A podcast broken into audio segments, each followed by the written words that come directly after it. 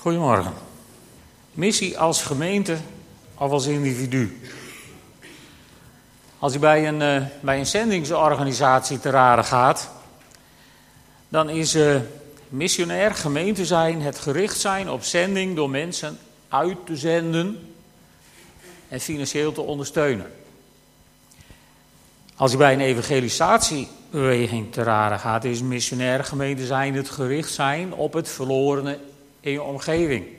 Kort geleden hadden we op dinsdagavond hier een presentatie van iemand over evangelisatie. En toen kwam dat er ook even, even uit aan het eind zo. Van dit zou de prioriteit van iedere gelovige moeten zijn. Nou, daar uh, hebben we wat over gepraat met elkaar. Maar dat hoor je vanuit, vanuit die kant. In de Bijbel kom je echter geen missionaire organisaties tegen. Er is nergens een organisatie die een opdracht van de Heer krijgt. Het zijn alleen maar mensen met een missie. Die een opdracht krijgen van God. Op één uitzondering na. Een missionair volk zou je kunnen zeggen. Het volk Israël. Alhoewel, ook daar werd door God individueel afgerekend met mensen die de missie van het volk niet vervulden. En daarnaast zien we dat waar mensen hun missie om een of andere reden veronachtzamen, altijd mensen de dupe worden om hen heen. Die andere mensen, die worden ook vandaag de dupe als mensen hun missie verwaarlozen, veronachtzamen, over een, een potje van maken. Er zijn altijd slachtoffers te betreuren in dat soort situaties. En in Ezekiel 34 kun je lezen hoe God daarmee om denkt te gaan. Ezekiel 34. Het gaat over de slechte herders en de goede herder, tenminste, dat staat er in mijn Bijbelvertaling boven.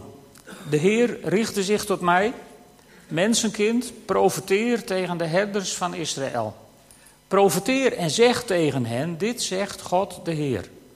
Wee jullie herders van Israël, want jullie hebben alleen jezelf gewijd. Horen herders niet hun schapen te weiden? Jullie eten wel van hun kaas, jullie gebruiken hun wol voor je kleren en jullie slachten de vette dieren, maar de schapen weiden, dat doen jullie niet. Zwakke dieren hebben jullie niet laten aansterken, zieke dieren niet genezen, gewonde dieren niet verbonden, verjaagde dieren niet teruggehaald, verdwaalde dieren niet gezocht. Jullie hebben de dieren hard en wreed behandeld. Zonder herder raakten ze verstrooid en werden ze door wilde dieren verslonden. Mijn schapen zijn verstrooid. Ze dwalen rond in de bergen en hoog in de heuvels over heel het aardoppervlak raakten ze verstrooid. En er is niemand die naar ze omziet. Niemand die naar ze op zoek gaat. Daarom, herders, luister naar de woorden van de Heer. Zowaar ik leef, spreekt God de Heer, mijn schapen hadden geen herder. Ze werden weggeroofd en door de wilde dieren verslonden. En jullie, herders, keken niet naar mijn schapen om. Jullie hebben alleen jezelf gewijd, maar niet mijn schapen. Daarom, herders, luister naar de woorden van de Heer. Dit zegt God, de Heer: Ik zal de herders straffen en mijn schapen opeisen. Zij zullen ze niet meer mogen weiden. Ook zullen ze niet langer zichzelf weiden. Ik zal mijn schapen uit hun mond redden. Ze zullen ze niet meer eten. Dit zegt God de Heer. Ik zal zelf naar mijn schapen omzien en zelf voor ze zorgen. Zoals een herder naar zijn kudde op zoek gaat als zijn dieren verstrooid zijn geraakt, zo zal ik naar mijn schapen op zoek gaan en ze redden uit alle plaatsen waarheen ze zijn verdreven op een dag van dreigende donkere wolken. Ik zal ze uit alle volken terughalen en uit alle landen bijeenbrengen. Ik zal ze naar hun eigen land laten terugkeren op de bergen van Israël en bij de waterstromen zal ik ze weiden, overal in het land waar mensen wonen. Ik zal ze laten grazen op een goede weide, ook hoog in de bergen van Israël zullen ze gras vinden. Op Israëls bergen zullen ze rusten op groen grasland en in een grazige weide. Ikzelf zal mijn schapen weiden en ze laten rusten, spreekt God, de Heer. Ik zal naar de verdwaalde dieren op zoek gaan, verjaagde dieren terughalen, gewonde dieren verbinden zieke dieren gezond maken, maar de vette en sterke dieren zal ik doden. Ik zal ze weiden zoals het moet. Tot zover. Dit is natuurlijk een prachtige profetie over het volk Israël. Je zou er een preek over de terugkeer van Israël over kunnen houden, wat ik vandaag niet ga doen. Maar daar gaat het wel over. Wat je zag bij het volk Israël is dat, dat ze als volk bestemd waren om een missie te hebben. Vorige week hebben we gezien dat God in de woestijn tegen het volk Israël zei: Ik maak van jullie een koninkrijk van priesters. Met andere woorden, ze hadden een stuk verantwoordelijkheid van God gekregen. En toen ze bij de Sinai zeiden tegen de Heer: Nou, Heer, dank u wel, doe ons maar een middelaar. kwam de priester in beeld. En toen ze later tegen Samuel zeiden: Doe ons maar een koning. Toen kwam er nog een koning in beeld. En zo kwamen er herders tussen hen en God in te staan. En die herders die maakten er heel duidelijk een potje van. Die wijden alleen zichzelf, zoals de Heer zich hier verweet. En daardoor werd het volk in ballingschap geleid. Ze werden verstrooid over de, ja, over de aarde toenmalig. En die profetie van Ezekiel, dat God ze zou terugbrengen in het land, dat hij ze zou verzamelen uit alle hoeken van de wereld, die ging voor een deel in vervulling toen koning Kores zei van jullie moeten terug naar je eigen land. En zo kwamen ze terug in hun eigen land. En opnieuw zien we dat de leiders er een potje van maken, alleen bezig waren, uit waren op eigen gewin. En in de tijd van de Heer Jezus, toen waren er eh, diverse gegadigden voor het hoge priesterschap en dat ambt werd elk jaar verkocht aan de hoogste bieder door de Romeinen. Dan proef je even een beetje in wat voor sfeer ze waren terechtgekomen. Een beetje in de sfeer waarin vandaag mensen voor exorbitante salarissen bepaalde interimklusjes opknappen. Daar lijkt het een beetje op, volgens mij, in mijn ogen. Nou, maar goed, het ook niet over economie hebben. Opnieuw faalt het leiderschap. En onder de Romeinen wordt het volk Israël opnieuw verstrooid, verdreven, uit elkaar gejaagd naar alle hoeken van de aarde. En de laatste 60, 70 jaar zie je hoe God bezig is zijn volk weer uit allerhande hoeken van de aarde te verzamelen en ze terug te brengen naar het land Israël. Het is dan nog wel geen christelijke natie. Ze hebben ook hun knieën nog niet gebogen voor de Messias. Maar het plan van God, zoals in Ezekiel wordt aangekondigd, is begonnen. Dat zien we. Maar wat betekent het dan voor ons? We hebben net even gezien, die profetie van Ezekiel is dus eigenlijk twee keer in vervulling gegaan voor het volk Israël. Tenminste, de tweede keer is nog bezig. Maar is dit ook voor ons? Er zit hier iets heel bijzonders in. Als je de dupe wordt van andere mensen die hun missie niet, of niet op de goede manier vervullen, dan ziet God naar je om. En dan zegt God, dan zal ik ze zelf wel wijden. Dan kom ik jezelf genezen, dan kom ik jezelf troosten, dan kom ik jou zelf vergeven wat er mis is gegaan, dan kom ik zelf jouw herstel brengen. Dus je mag die profetie ook heel persoonlijk aannemen op situaties in je eigen leven. God heeft dat beloofd. Als er dingen fout gaan, spring ik in de bres en dan kom ik het voor jou in orde maken. Dan leid ik jou, als het ware, ze hebben we vorige week gezien, uit de slavernij van de zonde in de dienst van mij. En dan zegt God, en dat hebben we vorige week ook gezien, die tekst uit 1 Petrus 2, vers 9. Dan zegt God niet tegen het volk Israël in de woestijn dat ze een koninkrijk van priester zijn, maar dan zegt hij tegen ons, gelovigen, kinderen van God, mensen die Jezus Christus hebben aangenomen als hun verlosser. Tegen ons zegt God, jullie zijn een uitverkoren geslacht, een koninkrijk van priesters een heilige natie, een volk dat God zich verworven heeft om de grote daden te verkondigen van Hem die u uit de duisternis heeft geroepen naar zijn wonderbaar licht. Wij hebben dus diezelfde missie om de volken tot een zegen te zijn. Die missie die Abraham kreeg van God. Ik zal je maken tot een zegen voor de volken. En, en toen we het thema lanceerden, toen hebben we al gezien dat wij nakomelingen van Abraham, van, van Abraham zijn, omdat we kinderen van God geworden zijn door Jezus Christus. Dus het is ook onze missie Daar ontkom je gewoon niet aan. Wij hebben de missie om volken tot een zegen te zijn, te beginnen bij de mensen in onze directe omgeving. We zijn mensen met missie. En als mensen met missie elkaar vinden, heb je automatisch een missionaire gemeente. Dus die missie is niet van de gemeente. Elke gemeente heeft wel zijn eigen kleur, maar dat heeft meer te maken met de soort mensen die, zich, die elkaar vinden in een gemeente en met tradities, maar niet met missie. Jij hebt een missie als kind van God. En met die missie ben je hier gekomen. En ik ben daar heel blij mee, want met al die individuele missies en die daarbij door God gegeven talenten die God daaraan heeft toegevoegd, is elke gemeente een enorm potentieel van mensen, van heiligen, die in de gemeente moeten worden toegerust tot dienstbetoon, zegt Paulus in Efeze.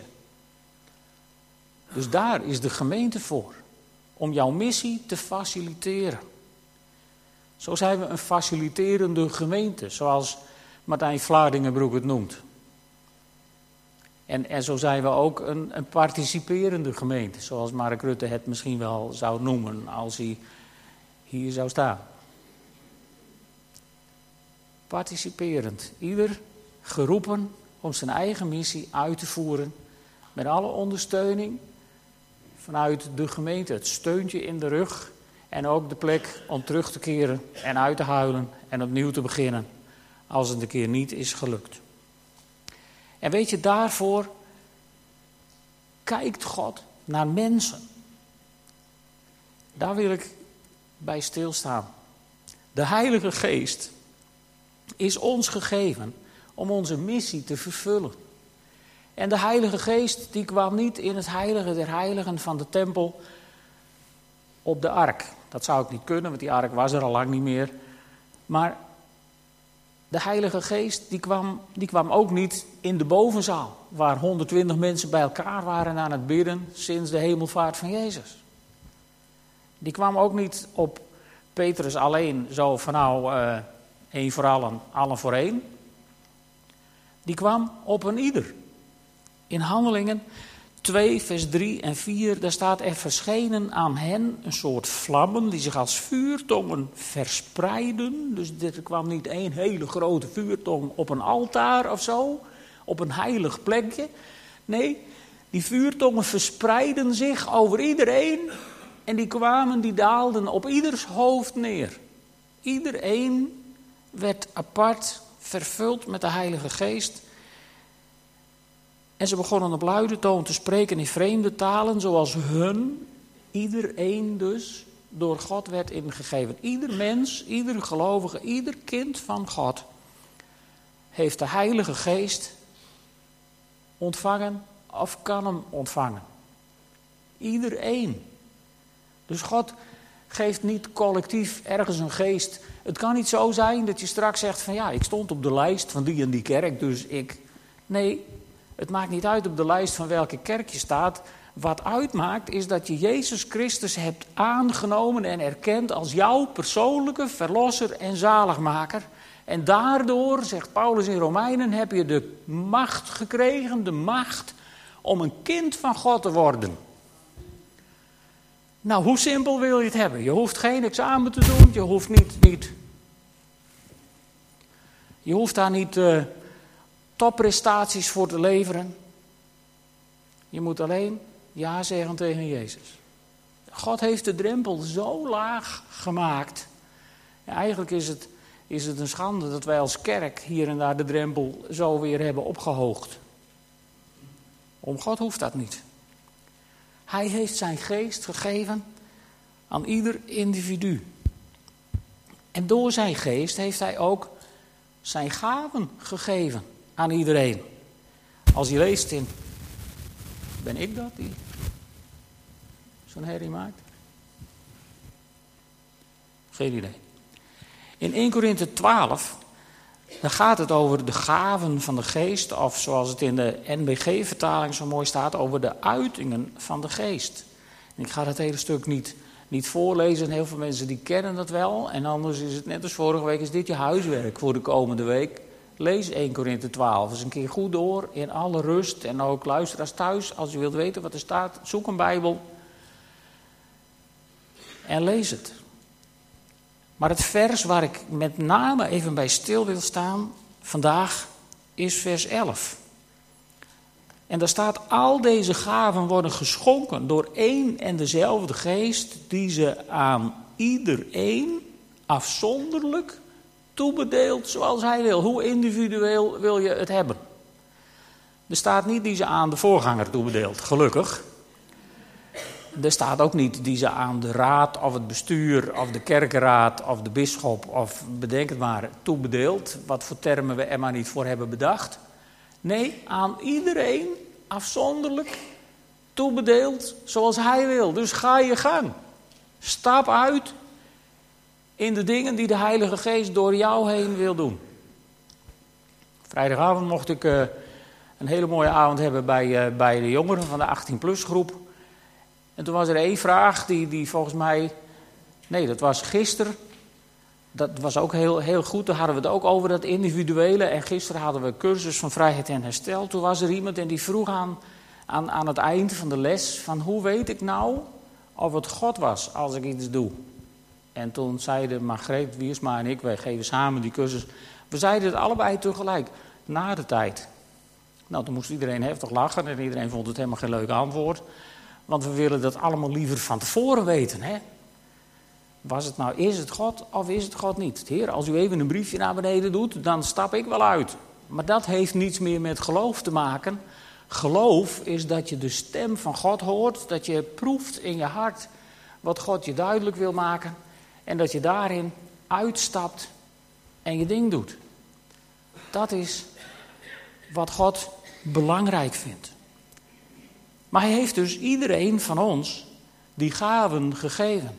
Die mogelijkheid om onze individuele verantwoordelijkheid, onze persoonlijke missie te vervullen. En dan, zegt Paulus, dan wordt het dus tijd, als je zo bent toegerust en zo bent voorbereid, dan wordt het tijd om jezelf aan God aan te bieden. Want weet je, God heeft ons niet, niet verlost tot slavernij in de vorm van de slavernij als in Egypte. Er staat geen engel met een zweep achter je die je te plek slaat of schopt als je niet, niet doet wat, wat de bedoeling is. Nee, God vraagt van, bied jezelf nou eens aan mij aan. Kom maar. En hij moedigt ons daartoe aan in Romeinen 12, vers 1 tot 8. En daar staat, broeders en zusters, met een beroep op Gods barmhartigheid vraag ik u om uzelf als een levend, heilig en God welgevallig offer in zijn dienst te stellen. Want dat is de ware eredienst voor u. Uzelf dus, hè. Er wordt in, in kerkelijke kringen te veel gepraat over wij. We moeten eigenlijk dit en we zouden eigenlijk dat. En, en, en met alle respect, maar ik denk dat dat soms wordt gezegd om zelf niet te hoeven. We heeft ook een beetje inzicht over de schutting gooien bij een ander of bij een collectief. En Paulus zegt: nee, ik vraag je om jezelf aan God aan te bieden als een levend, heilig, gode welgevallig offer. mij doet hij het. En uh, in vers 2 staat dan: U moet uzelf niet aanpassen aan deze wereld, maar veranderen door uw gezindheid te vernieuwen om zo te ontdekken wat God van u wil en wat goed en volmaakt en hem welgevallig is. Dus je moet ook niet proberen een ander aan te passen aan deze wereld. Je moet jezelf niet aanpassen aan deze wereld, staat er. En dan gaat Paulus verder.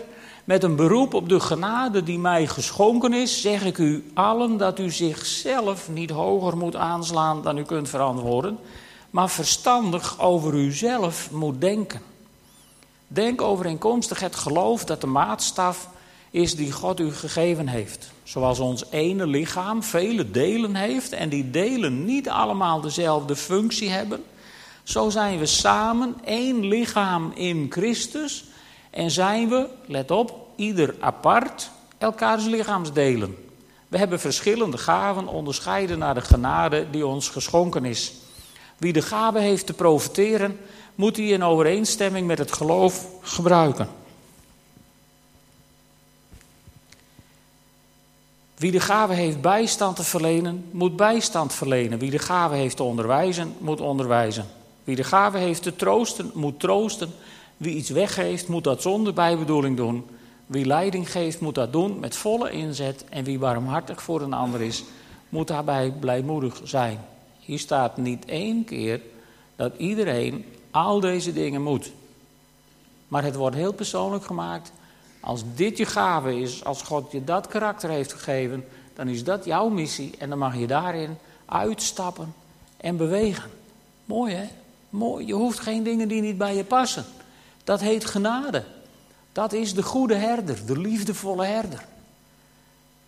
Die van een schaap geen koeienvel verwacht. En die van een geit niet verwacht dat daar Friese nagelkaas van wordt geproduceerd. Dit is de God die respect heeft voor de talenten die hij jou heeft gegeven. En als je daarmee aan het werk gaat, zul je goddelijke resultaten bereiken. Bied jezelf maar aan aan God. Hij nodigt je uit. Hij vraagt je met klem om jezelf aan te bieden. En, en daarin heb je een persoonlijke verantwoordelijkheid. Dat is misschien een beetje een raar woord tegenwoordig, verantwoordelijkheid. Want het, het klinkt zo gauw alsof je daarop wordt afgerekend. Nou, volgens mij hebben wij niet een God die zwaar afrekent. We hebben een God die zwaar genadig is. Dus je hoeft ook niet bang te zijn voor verantwoordelijkheid. Maar je hebt wel verantwoordelijkheid. En een mooi voorbeeld daarvan staat in 1 Corinthians 3, vanaf vers 5. Waar Paulus zegt, van jongens, daarvoor heeft hij tegen de gemeente gezegd. De ene zegt ik hoor bij Paulus en de andere zegt ik ben dit. En de ene zegt ik ben hervormd en de andere roept ik ben gereformeerd. En de derde zegt ik ben PGN en de volgende roept ik ben baptist. En de andere zegt ik ben rooms-katholiek. En dan holt er ook nog een tussendoor die roept ik ben van open thuis. En Paulus zegt nou en, zo wat? Wat denk je daarmee te bereiken? En hij zegt dan zo mooi: wat is Apollos eigenlijk en wat is Paulus? Ze zijn niet meer dan dienaren die u tot geloof hebben gebracht. Beiden op de wijze die de Heer hun, elke part, heeft geschonken. Ik heb geplant, Apollos heeft water gegeven, maar God heeft doen groeien. Het is niet belangrijk wie plant of wie begiet. Alleen God is belangrijk, want Hij doet groeien. Wie plant en wie begiet hebben hetzelfde doel, ook al worden ze apart beloond. Elk is dus zelf verantwoordelijk, overeenkomstig de moeite die ze zich hebben gegeven. Maar het leuke is, hier staat, en dat staat op heel veel plekken in het Nieuwe Testament, dat je apart wordt beloond. Er staat in het Nieuwe Testament eigenlijk nergens een tekst dat je apart wordt gestraft. Dat denken wij wel vaak, hè? aan die wrekende God, die straffende God. En, en, en, en, en als er dan eens een keer iets grappigs gebeurt, dan roepen we ook nog wel eens met een big smile op ons gezicht van ja, God straft ogenblikkelijk. Dat geeft even aan hoe diep het genetisch in ons denken is verankerd dat God een straffende God is, maar mijn God is een belonende God. En een genadige, vergevende God. En hier staat het, al worden ze iedere part beloond overeenkomstig de moeite die ze zich hebben gegeven. Dus, zegt hij, zijn wij medewerkers van God en u bent zijn akker. Dat zegt hij tegen de wereld, het volk. U bent een bouwwerk van God. Overeenkomstig de taak die God mij uit genade heeft opgelegd, heb ik als een kundig bouwmeester het fundament gelegd. En de anderen bouwen daarop voort. Maar laat ieder erop letten hoe de ander bouwt. Voor wie meeleest, moet je nu vastgesteld hebben dat dat niet klopt. Maar wie eerlijk is, moet ook vaststellen dat we dat vaak wel doen. Erop letten hoe de ander bouwt. Maar Paulus zegt, laat ieder erop letten hoe hij bouwt. Met andere woorden, laten we ons dus bezighouden met onze eigen missie, met onze eigen verantwoordelijkheid, met onze eigen persoonlijke relatie met God met onze eigen persoonlijke vraag van hoe sta ik erin om me wel of niet te laten dopen. Daarin mag je ook zelf tot je conclusies komen en zelf je antwoord vinden. Laat iedereen erop letten hoe hij bouwt. Er is nog een stukje waar het heel erg gaat over zelf verantwoordelijk zijn. En dat staat in 1 Petrus 4. 1 Petrus 4, vanaf vers 7. Daar begint Petrus met dit. Het einde van alles is nabij. Dus we leven in het eind van de tijd. Nou, heel veel christenen die geloven dat dat best wel eens zo zou kunnen zijn. Dus misschien slaat dit wel op nu. Het einde van alles is nabij. Kom daarom tot bezinning en wees helder van geest, zodat u kunt bidden. Heb elkaar voor alles innig lief. Want liefde bedekt tal van zonden. Wees gastvrij voor elkaar zonder te klagen. En dan komt het vers waar het me eigenlijk om gaat. Laat ieder van u de gave die hij van God gekregen heeft gebruiken om de anderen daarmee te helpen, zoals het goede beheerders van Gods veelsoortige gaven betaamt. Zo zin zou je bijna boven je bed moeten hangen. Of op een andere plek waar je hem vaak ziet. Ieder van u de gave die hij van God gekregen heeft gebruiken om de anderen daarmee te helpen. Zoals het goede beheerders van Gods veelsoortige gaven betaamt. Voert u het woord, laat dan Gods woorden doorklinken in wat u zegt. Helpt u anderen, doe dat dan vanuit de kracht die God u geeft. Want zo doet u alles tot eer van God. Dankzij Jezus Christus, aan wie alle eer en macht toekomt voor eeuwig. Amen. En weet je, ook als we avondmaal vieren, is dat heel belangrijk. Dat kunnen we lezen in 1 Corinthians 11. Daar gaan we mee afronden en dan gaan we avondmaal vieren. 1 Korinthe 11. Vanaf vers 23.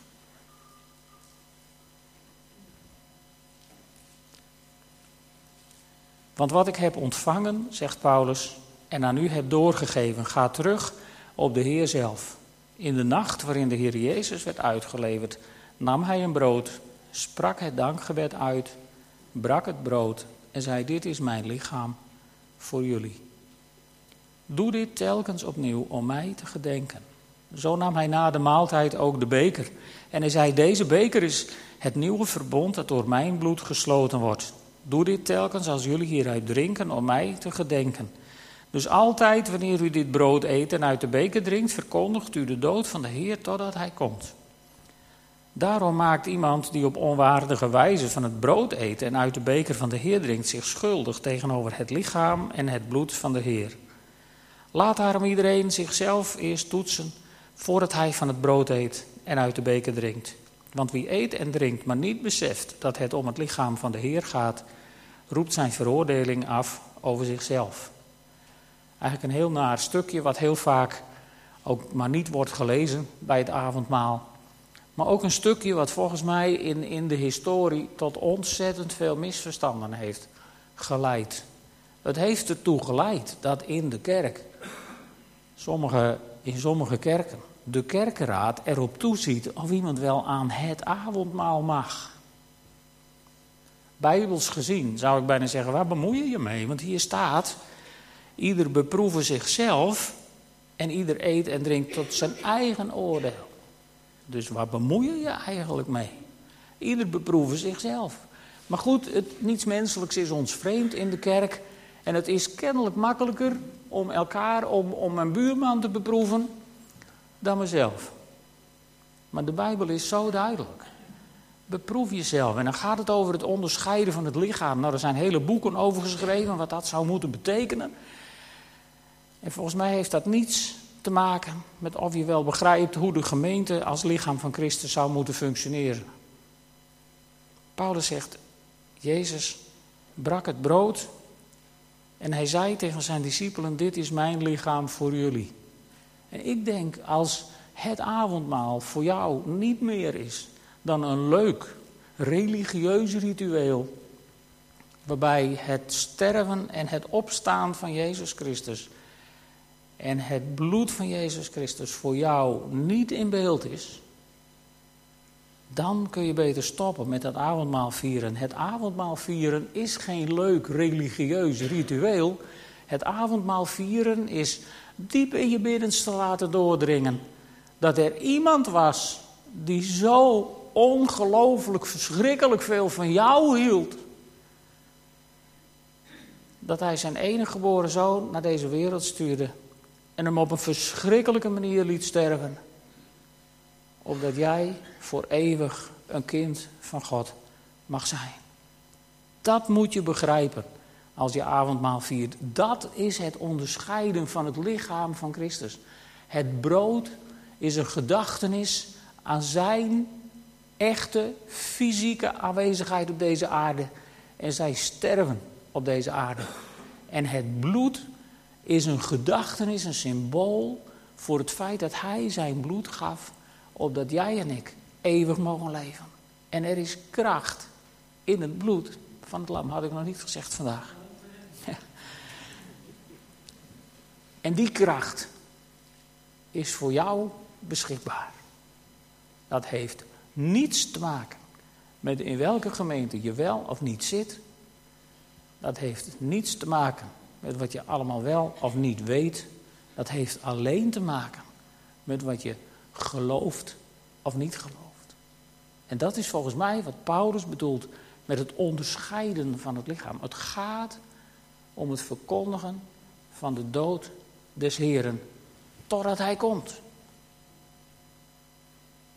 En als je gelooft dat Hij stierf voor jouw zonden. En als je verwacht dat Hij terugkomt op de wolken. Om voor jou een geweldige toekomst klaar te maken. Dan ben je van harte uitgenodigd om met ons avondmaal te vieren, ook als je hier te gast bent. En als je denkt van nou, nou ja, nee, dat avondmaal is voor mij gewoon een leuk religieus ritueel, dan hoop ik dat ik ernstig genoeg ben geweest om je ertoe te verleiden om te blijven zitten. Want dan is het niet handig. Want je eet en je drinkt tot je eigen oordeel, zegt de Bijbel. Niet tot het mijne. Dus het is niet mijn probleem. Maar wel mijn zorg. Dus weet wat je eet. Zou ik zeggen, in dit geval. Zullen we gaan staan en samen een moment bidden. Vader in de hemel, ik wil u danken voor uw grootheid en voor uw goedheid en voor uw heerlijkheid. Vader, ik wil u danken dat u uw lichaam gaf voor ons. Ik wil u zo danken voor dit brood en ik wil het zegenen in de naam van de Vader en de Zoon en de Heilige Geest. En ik wil u danken voor de wijn, voor de beker.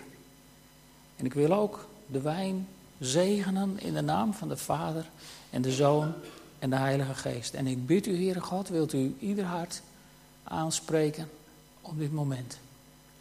En als er mensen onterecht bang zijn geworden om te eten van het brood en te drinken uit de beker, dan bid ik u om op dit moment te spreken door uw Heilige Geest.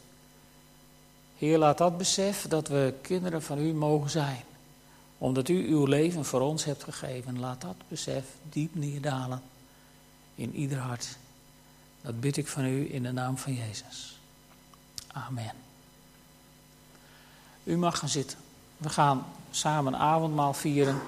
Zometeen, wat ik zei, als u een kind van God bent en weet waar we het over hebben met het avondmaal, bent u van harte uitgenodigd om met ons mee te doen. We zullen zo meteen mensen hier voor op de hoeken hebben staan met brood. En daarna met wijn. En als je zegt, nou, ik wil geen wijn of ik mag geen wijn om een of andere reden, dan hebben we ook druivensap. Geef dat even aan, dan regelen we dat voor u. En wij zijn gewend om bij het avondmaal in de dienst voor mensen te bidden die een lichamelijke of een geestelijke nood hebben. Dus als u gebed wilt, achter in de zaal zullen een aantal teams van mensen klaarstaan waar u heen kunt. En u kunt natuurlijk eerst heel lang in de rij gaan staan tot u uw brood en uw wijn hebt gehad. En daarna naar achteren komen voor gebed. Maar u kunt ook denken van nou, er staan zoveel mensen, ik ga eerst voor gebed. Ik laat voor me bidden en dat wat God heeft gedaan bezegel ik vervolgens met brood en wijn. De volgorde doet er niet zoveel toe. Daar mag u zelf gewoon uw keuze in maken. Voelt u zich vrij? Wij willen er zijn om u te dienen. Ieder persoonlijk. Dus We gaan samen een vieren.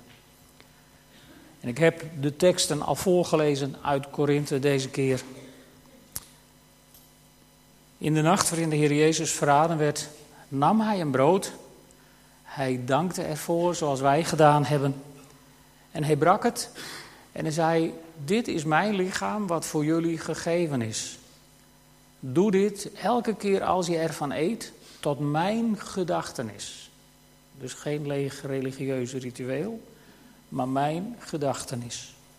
En na de maaltijd nam hij de beker en hij zei: Deze beker is het bloed van het nieuwe verbond dat ik met jullie wil sluiten. Doe dit elke keer als je eruit drinkt, tot mijn gedachtenis. Amen.